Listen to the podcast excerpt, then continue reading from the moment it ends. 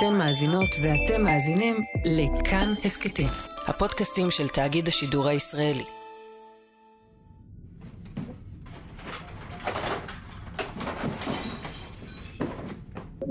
חיון, מה אתה עושה? אני אחפש את המכונת זמן שלי, איפה היא? חשבתי שהפדרציה שללה לך את הרישיון. לא, לא, לא, לא. כי קיבלתי רק על תנאי, הם ידעו שאני לא באמת אבחן את פרדוקס הסבא. וטוב שכך. אז מדוע אתה זקוק למכונת הזמן? זוכרת את איתי שביקרתי אצלו ברמת הגולן בחופשה ההיא על כדור הארץ? סוכן חלל לוי, זוכרת. קיצר, הוא טוען שבלילה ההוא היה מטר מטאורים עם כדורי אש ירוקים מנחושת. אני אומר שזה fake news. היה אחד, השאר פייק, בוא נתקדם. מחשבת, התערבתי איתו, אני רוצה את המכונת זמן, נחזור ליום ההוא של המטר מטאורים, נצפה בו מהחללית, ו... חיון, אמרת בעצמך שאתה על תנאי. אל תכריח אותי לדווח עליך לפדרציה. מכונת הזמן בחללית היא רק לצורכי תחקיר להסכת. נו, אז איך אני אראה לו? הדרך היחידה לראות מהחלל את מטר המטאורים ההוא, היא אם הייתה לך מראה ענקית, מספיק רחוקה מכדור הארץ, ובזווית החזרת אור מתאימה, כך שאם היית מכוון אליה טלסקופ, היית רואה מה קרה באותו היום. אה... לא הבנתי כלום. איזו מראה? זו הדרך שלי להגיד, שכח מזה. זה, זה דווקא הבנתי, אבל איך התכוונת ש... טלסקופים, חיון, הם סוג של מכונת זמן. אתה יכול לראות באמצעותם את העבר. אשכרה, נכון. רגע, כמה רחוק אל תוך העבר? מיליארדי שנים. מה, רגע, מה מיליארדי שנים? כמה? אפשר תאורטית לראות את הרגעים הראשונים אחרי המפץ הגדול? אני לא יודעת. אולי. אשכרה? מחשבת, אם למדתי משהו בחללית הזאת, זה שאם את לא יודעת משהו, אז שווה לעשות על זה פרק. מה קרה להתערבות עם איתי? אני אזמין אותו מתישהו. ניישב את זה כמו שני סוכני חלל. בינתיים, את ואני הולכים לחזור בזמן, מחשבת. עם טלסקופ, אולי עד לתחילת הזמן עצמו. רגעי הבריאה, מחשבת, את קולטת? ימי בראשית!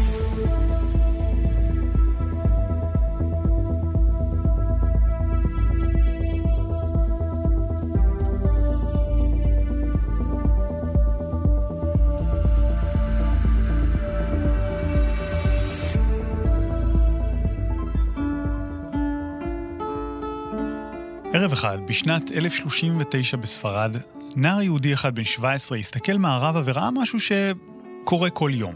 כבר מיליארדי שנים זה קורה. הוא ראה שקיעה. רק שהנוף הזה ריגש אותו כל כך שהוא החליט לכתוב עליו שיר. בשיר הוא תיאר איך השמש באופק לובשת אדום וצובעת את השמיים, איך היא מפשיטה את העולם מהאור והחום שלו לקראת הלילה. רק בשורות האחרונות מתברר פתאום שכל התיאור היפה הזה נועד בעצם להביע תחושת אבל. אבל על חבר קרוב שנרצח. וזה מעניין שזה מופיע שם רק בסוף, כאילו השיר רוצה שתישארו רגע עם השקיעה הזאת לפני שהוא חושף מה המשמעות שלה. עכשיו, לחבר הזה שנרצח לפני 985 שנים קראו יקותיאל, למשורר קראו שלמה בן יהודה אבן גבירול, או כמו שבתל אביב מכנים אותו לפעמים אבן גבירול, ואת השיר הזה שנקרא ראה שמש, יכול להיות שלמדתם בבית ספר, או שתלמדו, אבל הנה משהו שלא סיפרו לכם. כשאבן גבירול ראה שמש, מה שהיה לפניו באופק לא היה באמת שמש.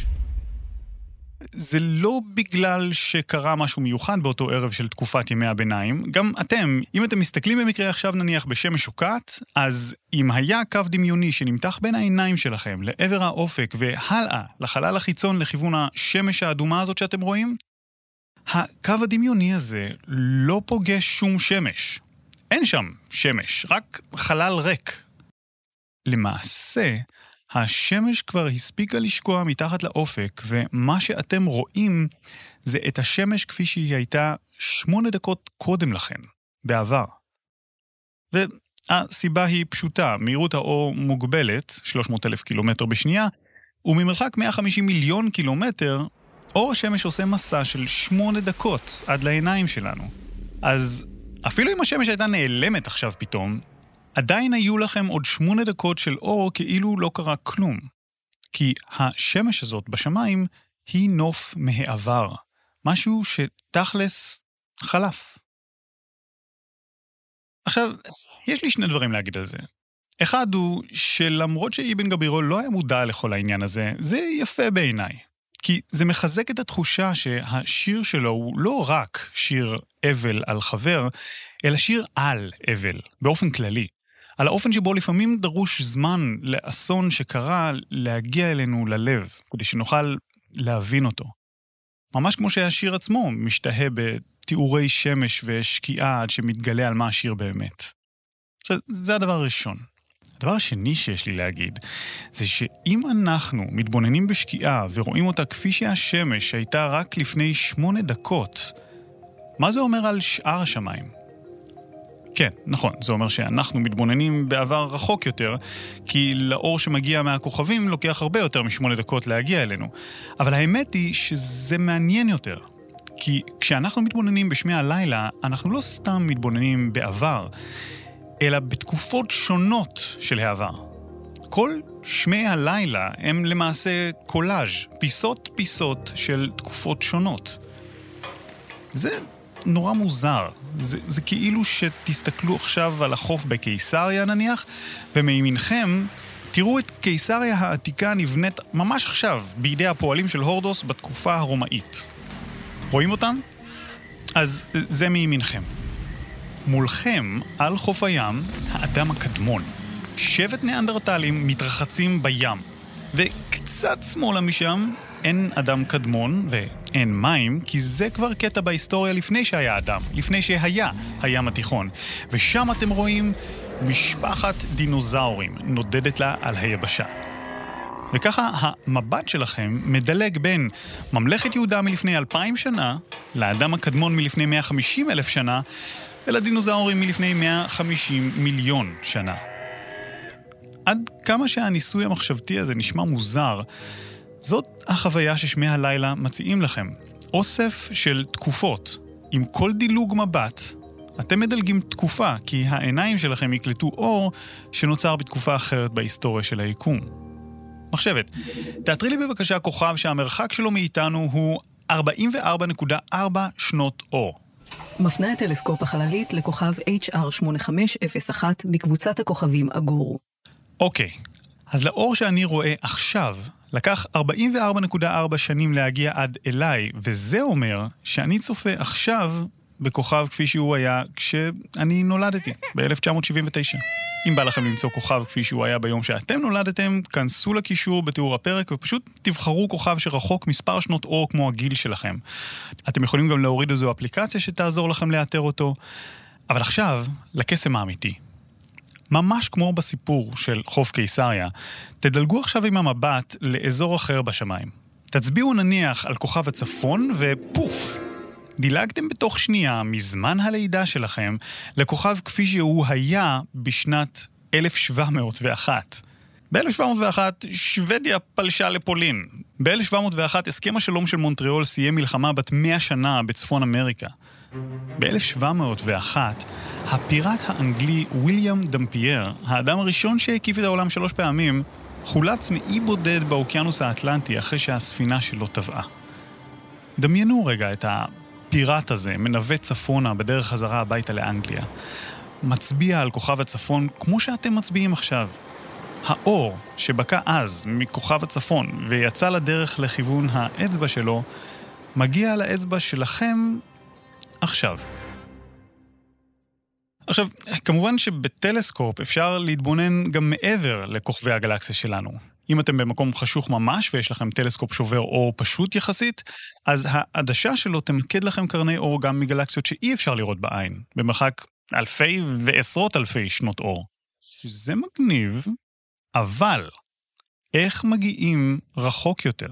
לתקופה, באמת, אחרת לגמרי. איך חוזרים אחורה בזמן מיליוני ומיליארדי שנים? מחשבת, רעיונות? כדי למצוא פיסת זמן בלתי רגילה, צריך לכוון לפיסת שמיים בלתי רגילה. אוקיי, תני דוגמה. סורקת. מצאתי דוגמה שתי מעלות מעל קבוצת הכוכבים הדובה הגדולה. מה? אני לא רואה שם כלום. סתם חושך. סבלנות חיון. לטלסקופ החלל האבל זה ארך 100 שעות ב-1995. את רוצה להגיד לי שנאס"א כיוונה טלסקופ במשך ימים לנקודה קטנה בשמיים שאין בה כלום? מה הבעיה? אה, בעיה.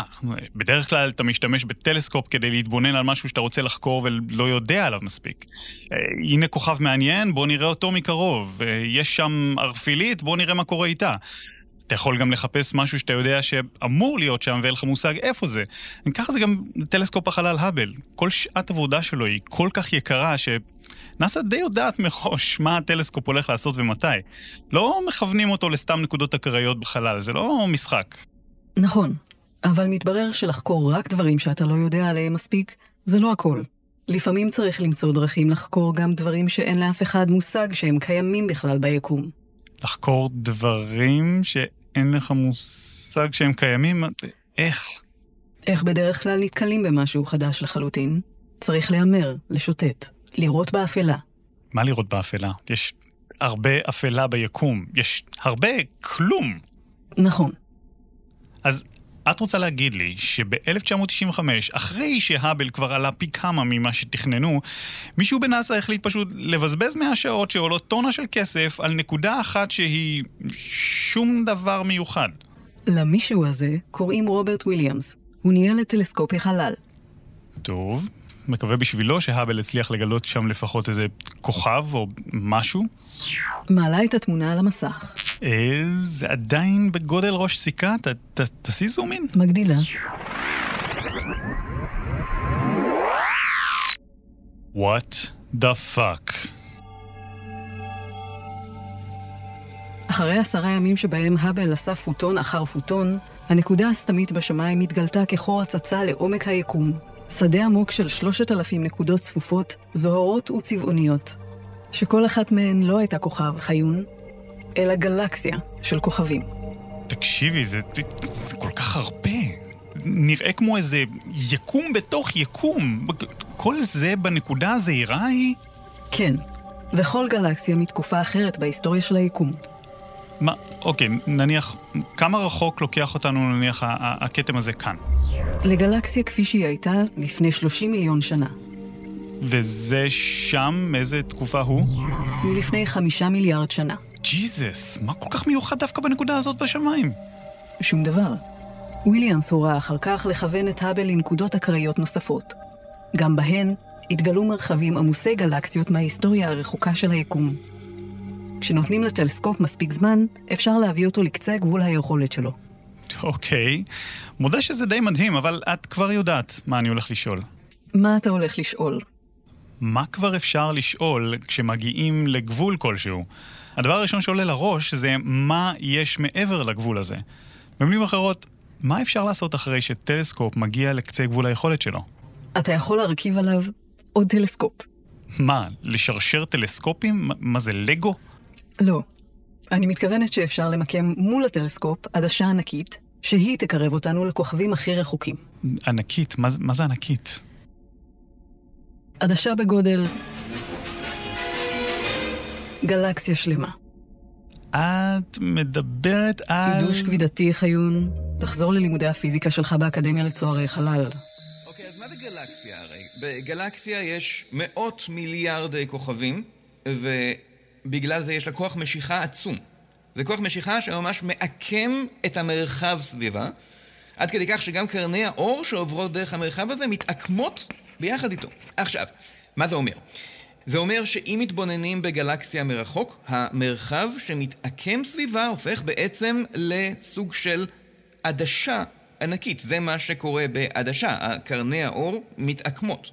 ואז זה כאילו שאתם מסתכלים בטלסקופ שלכם דרך זכוכית מגדלת עצומה שנמצאת בחלל.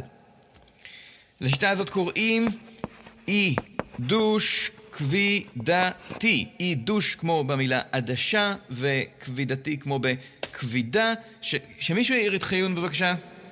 חיון. חיון. חיון. חיון. חיון. מה, אני לא זוכר שדורון פישלר היה מרצה שלי באקדמיה, אבל מה שכן נזכרתי עכשיו זה שהעידוש הכבידתי הזה, לא רק שהוא מאפשר לצפות באירועים שהיו ממש רחוק במרחב ובזמן, הוא מאפשר גם לצפות בהם יותר מפעם אחת. שמעו סיפור. לפני כמה שנים, פרופסור עדי ציטרין מאוניברסיטת בן גוריון השתמש לא בגלקסיה אחת בתור עדשה, אלא בצביר גלקסיות שלם. הצביר הזה עיוות ומיקד את האור שהגיע מאחוריו, ובעצם ככה הוא הפך לזכוכית מגדלת אחת ענקית בחלל, וזה אפשר לציטרין ולקולגות שלו להתבונן במשהו שהיה למעשה פי שניים יותר רחוק. כוכב שהתפוצץ במרחק 11.5 מיליארד שנות אור. עכשיו, העניין הוא שעידוש כבידתי זה לא ממש עדשה מושלמת וסימטרית בחלל. זאת עדשה די מעוותת. ולכן ציטרין והשותפים שלו ראו את הפיצוץ הזה בארבעה מקומות שונים בו זמנית. זה קצת כמו להסתכל דרך תחתית עבה של כוס זכוכית ולראות כפול את אבא שלכם נניח.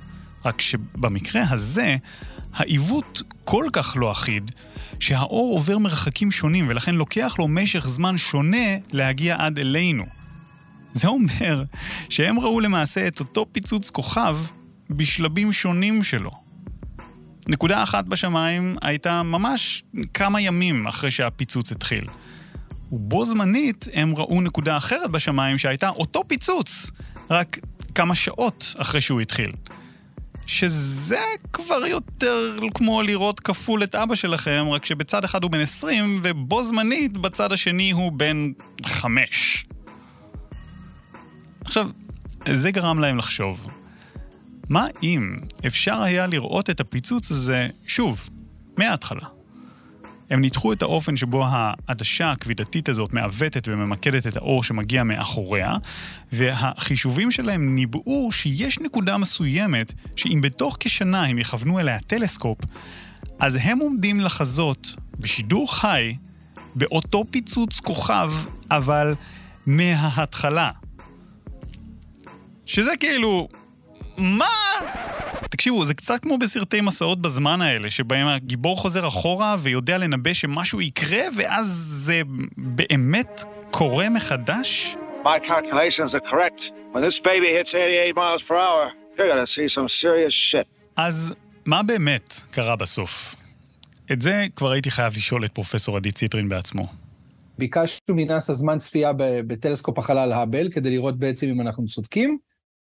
ושמחתנו, אישרו לנו את הזמן תצפית הזה וחיכינו כשנה, ובאמת זאת הייתה הצלחה אדירה. שנה אחר כך, בדיוק כמו שניבאו המודלים, זכינו לצפות בסופרנובה הזאת שוב, ממש מההתחלה. שנייה רגע, דוקטור, אתה בנית מכונת זמן שעשויה מכוכבים. כן, אה, למדנו להשתמש ב... אם תרצה, מכונות זמן קיימות. Wait a minute. Wait a minute, Doc. Uh, are you telling me that you built a time machine? Out of a DeLorean? The way I see it, if you're gonna build a time machine into a car, why not do it with some style? Besides, the stainless steel construction made the... כשלוקחים את הטלסקופ העוצמתי ביותר בעולם כיום, טלסקופ החלל ג'יימס ווב, ומוסיפים לו גם עידוש כבידתי, אנחנו כבר מגיעים לתקופה עם כמה מהגלקסיות הראשונות שאי פעם נוצרו. 300 מיליון שנה בלבד אחרי המפץ הגדול. ובשנים הקרובות לג'יימס ווב יש אשכרה סיכוי להרחיק אפילו עוד יותר, לראות את הכוכבים הרחוקים והקדמוניים ביותר. ממש להציץ לתקופה שבה היקום הדליק את נקודות האור הראשונות שלו. ויהי אור. אבל מה אם אנחנו רוצים לסובב את השעון אחורנית ולראות מה קרה לפני הכוכבים הראשונים, הרבה לפני? בגדול, כל המידע שמגיע אלינו מרחבי היקום הוא בצורה מסוימת של קרינה, אור, וכל הטלסקופים בהיסטוריה נבנו כדי לקלוט את סוגי הקרינה הזאת. אז איך חוקרים נניח את מאה אלף השנים הראשונות של היקום? תקופה שבה לא הייתה אמורה להיפלט שום קרינה לשום מקום, כי היקום היה עדיין מרק סמיך כזה של פוטונים וחלקיקים. ואיך נגיע להיסטוריה אפילו רחוקה יותר, לשברירי השנייה הראשונים אחרי המפץ הגדול, לרגעים הראשונים בתולדות הזמן עצמו. לכאורה נראה שזה קרב אבוד, שאת החומה האחרונה הזאת באמת לא נוכל לעבור לעולם. אבל בתחילת הפרק מחשבת אמרה שאולי שהיא לא יודעת, אז אולי יש בכל זאת סיכוי לראות משהו? לראות, לא. להבחין, כן. אל תשכח שיש מידע ביקום שאינו מגיע אלינו בצורת גלי אור.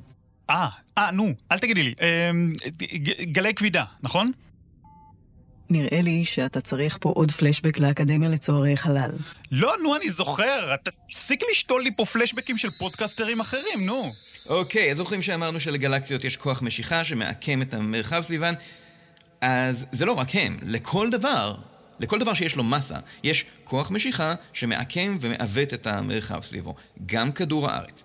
אבל, מה שמעניין זה מה קורה כשיש שינוי בעיוות הזה. כששני גופים מסיביים מתנגשים, נניח, אז מה שקורה זה שהמרחב עצמו חוטף זעזוע, והעיוותים האלה, הם מתפשטים בכל כיוון. עכשיו, זה נשמע לכם סינית? אוקיי, פשוט. תדמיינו מה קורה כשאבן נופלת לתוך מים, לתוך אגם. בנקודת הפגיעה של האבן במים יתחילו מעגלים, גלים כאלה שיתפשטו החוצה אחד אחרי השני, וככל שהם יתפשטו יותר רחוק, ככה הם ייחלשו יותר. עכשיו, מה קורה לנקודה באגם שאליה מגיע הגל כזה? כל מה שקורה זה שהמים מתכווצים ועולים קצת. כלומר, הם יורדים ועולים, הם הופכים לגל קטן, וכשהגל עובר, המים מתרחבים חזרה ונהיים שוב שטוחים. עכשיו, החלק הקשה, תדמיינו שבמקום אגם, הגלים הם לא של מים, אלא של החלל עצמו. כלומר, המרחב עצמו מתכווץ ומתרחב בכל פעם שעובר דרכו גל. אילו היינו יכולים להרגיש ולראות גלי כבידה, היינו מרגישים והיינו רואים איך הגוף שלנו מתכווץ ומתרחב כל פעם שגל כבידה היה עובר דרכו. אין לכם סיכוי להבחין בזה, כמובן, משום שהגלים האלה קלושים מדי. למעשה זה כל כך קלוש, שמדענים היו צריכים לבנות גלאי מיוחד בשביל זה. יש כמה כאלה, יש פרויקט בינלאומי שנקרא לייגו, ובמשך שנים הוא לא עשה כלום, הם לא הצליחו לגלות שום דבר, עד שהם, כן, גילו. ב-14 בספטמבר 2015 זה קרה. לייגו גילה גלי כבידה. זה נשמע ככה. מכיוון שאפשר לתרגם את הגלי הכבידה לתדר של גלי קול, זה מה ששמעתם עכשיו. זה היה גל הכבידה שעיוות את המרחב באותו יום שני.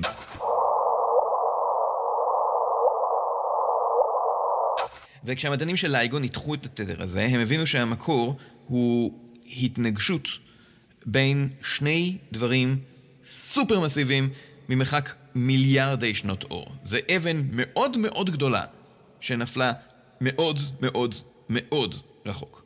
עכשיו, סוכני חלל העתיד, מי יוכל להגיד לי למה זו בעצם התחלה של מהפכה? מישהו? מישהו? ביולר? מישהו? אוקיי, תחשבו על זה רגע. במשך 400 שנה, מאז הטלסקופ של גלילאו, ראינו את היקום בכל הצבעים, ופתאום גילינו ב-2015 שאנחנו יכולים לא רק לראות את היקום, אלא גם לשמוע אותו. וזה ממש שימח מדענים ברחבי העולם. יש אפילו עשרות סרטונים של מדענים פשוט מחקים את הקול הזה. אפשר להבין את ההתרגשות. דמיינו שיש יצור שכל החיים שלו בכלל לא ידע שיש דבר כזה קולות. כי הוא נולד עם עיניים, אבל בלי אוזניים. נניח. ואז יום אחד הוא מקבל אוזניים ומתחיל לגלות את העולם סביבו בדרך חדשה לחלוטין. אז אנחנו היצור הזה, ובמקום רק לראות את היקום, התחלנו גם להאזין לאיך שהוא פועם. תחשבו כמה דברים חדשים נוכל ללמוד עם החוש החדש הזה, כמה רחוק נוכל להגיע. ובאמת, הגביע הקדוש פה הוא להגיע להיסטוריה הרחוקה ביותר של היקום, המפץ הגדול. נצטרך לבנות בשביל זה גלאי עצום ומדויק בטירוף, אבל זה לא בלתי אפשרי. לנאסא יש אפילו תוכנית לבנות משהו כזה, ויש מדענים שחושבים שבתוך 50 שנה אנחנו נצליח למדוד מה קרה שם מיד אחרי שהזמן והמרחב החלו להיווצר והיקום התחיל להתפשט. ומה נגלה אם אי פעם נגיע לסוף? כלומר, להתחלה של הכל. ייתכן שנופתע לגלות שהתיאוריות שלנו על המפץ הגדול לא היו נכונות? זה באמת קשה לדמיין בינתיים, אין לנו מושג. אבל עצם האפשרות שיהיה לנו מושג מתישהו, מעלה לי מחשבה אחת קצת משונה.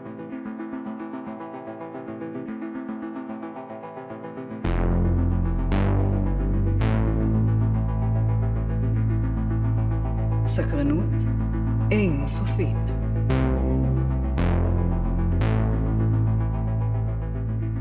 פעם העולם היה פשוט. את כל כדור הארץ אפשר היה להקיף, את כל הכוכבים בשמיים אפשר היה לספור, ואת כל ההיסטוריה של הכל אפשר היה לספר בשניים-שלושה מפגשים סביב המדורה. בני אדם התבוננו סביבם והיו משוכנעים שהכל נוצר עבורם. ככה הבטיחו גם האלים.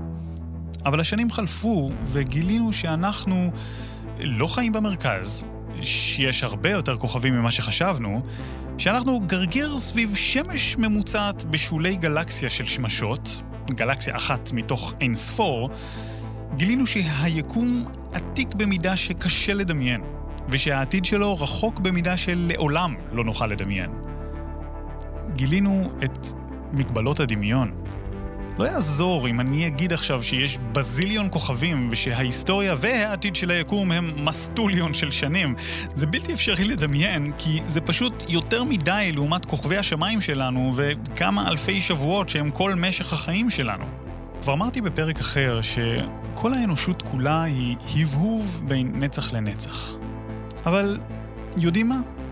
גם השמש האדירה שלנו היא הבהוב בין נצח לנצח. היא ענקית ובת חמישה מיליארד שנה, אבל גם הגודל והזמן האלה הם פסיק בציר הזמן והמרחב של היקום. בשביל היקום, אנחנו לא פחותים משמש עצומה. היא ואנחנו, במובן מסוים, אורחים לרגע.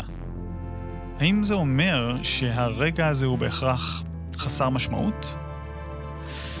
תראו, ליקום יש כל מיני חלקים ואיברים משונים. דיברתי בהסכת הזה על כמה מהם. סיפרתי איך אה, חורים שחורים יכולים לסייע לבנות או להרוס גלקסיות שלמות. תיארתי איך ערפיליות נניח, הן בתי חרושת לכוכבים. אבל גם אנחנו סוג של איבר ביקום הזה. ולכן, להגיד שיש בני אדם שמנסים להתבונן ביקום ולהבין אותו, זה כמו להגיד שיש משהו ביקום שמנסה להתבונן ולהבין את עצמו. או במילים של קארל סייגן, אנחנו אמצעי של הקוסמוס לדעת את עצמו.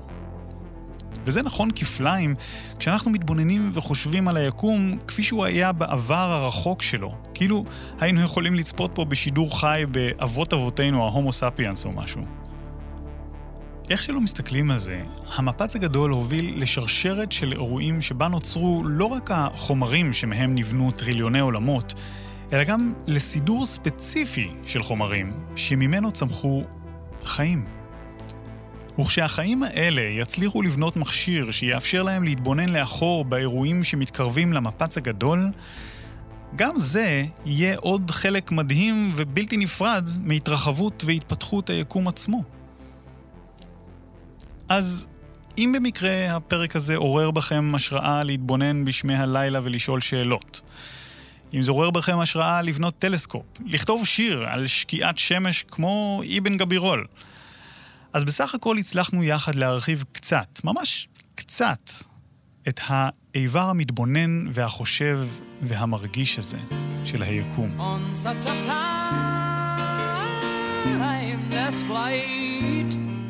הצלחנו להפוך אותו לגדול ומורכב ומעניין יותר.